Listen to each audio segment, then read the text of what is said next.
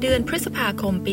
2017 เหล่าผู้แทนชาวอบอริจิน และชาวเกาะทอร์เรสเตรทได้มาชุมนุมกันที่ศูนย์ประชุมรัฐธรรมนูญชนพื้นเมืองแห่งชาติ ซึ่งตั้งอยู่ใกล้ๆกับอูลูรู เพื่อรับเอาแถลงการณ์อูลูรูจากหัวใจแถลงการณ์นี้เป็นการนำเสนอเพื่อการเปลี่ยนแปลงรัฐธรรมนูญออสเตรเลีย ให้เห็นความสำคัญของกฎหมายของชนพื้นเมือง โดยมีจุดมุ่งหมายที่ตั้งอยู่บนพื้นฐานของความจริง ความยุติธรรม และอำนาจการตัดสินใจอย่างเป็นอิสระ เราได้มาชุมนุมกันในปี 2017 ที่ศูนย์ประชุมรัฐธรรมนูญชนพื้นเมืองแห่งชาติ เรามาจากจุดต่างๆ ทั่วทั้งท้องฟ้าตอนใต้ เราจัดทำแถลงการณ์นี้จากหัวใจ เราชาวอบอริจิน และชาวเกาะทอร์เรสเตรทเป็นชนพื้นเมืองที่ปกครองทวีปออสเตรเลีย และหมู่เกาะใกล้เคียงต่างๆ มาก่อน และเราปกครองภายใต้กฎหมาย และขนบธรรมเนียมประเพณีของเราเอง นี่คือสิ่งที่บรรพบุรุษของเราเคยทำมาเมื่อพิจารณาถึงวัฒนธรรมของเรา การสร้างสรรค์ กฎหมายจารีตประเพณีจากหลายยุคหลายสมัย และจากการอ้างอิงทางวิทยาศาสตร์พบว่า มันเป็นเวลากว่า 60,000 ปี ที่อำนาจอธิปไตยนี้เป็นแนวคิดของจิตวิญญาณที่บรรพบุรุษได้ร้อยเกี่ยวระหว่างแผ่นดิน หรือธรรมชาติเอาไว้กับชาวออบริจิน และชาวเกาะทอร์เรสเตรทผู้ที่ถือกำเนิดจากที่นั่น และยังคงยึดโยงกับที่นั่น และวันใดวันหนึ่ง เราต้องกลับไปยังที่นั่น เพื่อเป็นอันหนึ่งอันเดียวกันกับบรรพบุรุษของเรา สายสัมพันธ์นี้เป็นรากฐานของความเป็นเจ้าของของพื้นแผ่นดิน หรืออีกนายหนึ่งคืออำนาจอธิปไตย มันไม่จางหายหรือดับแสงลง แต่มันยังสถิตร่วมกับอำนาจอธิปไตยของยอดมงกุฎมิฉะนั้นจะเป็นอย่างไรได้ ผู้คนเหล่านั้นปกครองพื้นแผ่นดินนี้มากว่า 60,000 ปีแล้ว แต่ทว่าความเชื่อมโยงที่ศักดิ์สิทธิ์นี้ได้อันตรธานไปจากประวัติศาสตร์โลก ในช่วงแค่เพียง 200 ปีที่ผ่านมาเท่านั้นหรือ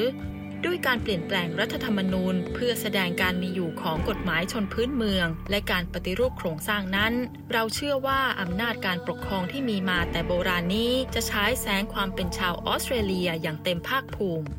เมื่อพิจารณาตามสัดส่วนแล้ว เราคือผู้คนที่ถูกจองจำมากที่สุดในโลก โดยเนื้อแท้แล้วเราไม่ใช่อาชญากร เด็กๆของเราเป็นคนแปลกหน้าสำหรับครอบครัวของพวกเขา อย่างที่ไม่เคยเกิดขึ้นมาก่อน และนี่ไม่ใช่เพราะว่าเราไม่ได้รักพวกเขา แล้วเยาวชนของพวกเราซึ่งมีจำนวนมากจนน่าตกใจ ก็อ่อนแรงอยู่ในสถานกักกัน พวกเขาควรเป็นความหวังของเราในอนาคต ประเด็นต่างๆ ที่กล่าวมาทั้งหมด คือวิกฤตการณ์ของเรา ที่พูดง่ายๆ คือ โครงสร้างของปัญหาของเรา นี่คือความทรมานของการไร้ซึ่งอำนาจของเรา เราแสวงหาการปฏิรูปรัฐธรรมนูญ เพื่อส่งเสริมสนับสนุนผู้คนของเราให้ได้รับความถูกต้องในพื้นแผ่นดินของเรา เมื่อเรามีอำนาจเหนือโชคชะตาของเรา เด็กๆ ก็จะเบ่งบาน พวกเขาจะเดินทางไปในโลกทั้งสองใบ และวัฒนธรรมของพวกเขาก็จะเป็นของขวัญแก่ประเทศ เราเรียกร้องให้สิทธิ์และเสียงของชนพื้นเมืองได้สลักไว้ในรัฐธรรมนูญมาคาราตาถือเป็นจุดมุ่งหมายสูงสุดของเป้าหมายของเรา ซึ่งหมายถึงความสมานสามัคคีหลังจากการต่อสู้เรียกร้อง มันสะท้อนความปรารถนาต่างๆ ของเราอย่างเสมอภาค และความสัตย์จริงกับความสัมพันธ์ต่อชาวออสเตรเลีย และอนาคตที่ดีกว่าของเด็กๆของเรา โดยตั้งอยู่บนพื้นฐานของความยุติธรรม และการมีอำนาจการตัดสินใจอย่างเป็นอิสระ เราจะตั้งคณะกรรมการมาคาราตาเพื่อดูแลกระบวนการการทำข้อตกลงระหว่างรัฐบาลต่างๆ และชนพื้นเมือง เพื่อการบอกกล่าวอย่างเป็นจริงเกี่ยวกับประวัติศาสตร์ของเรา ในปี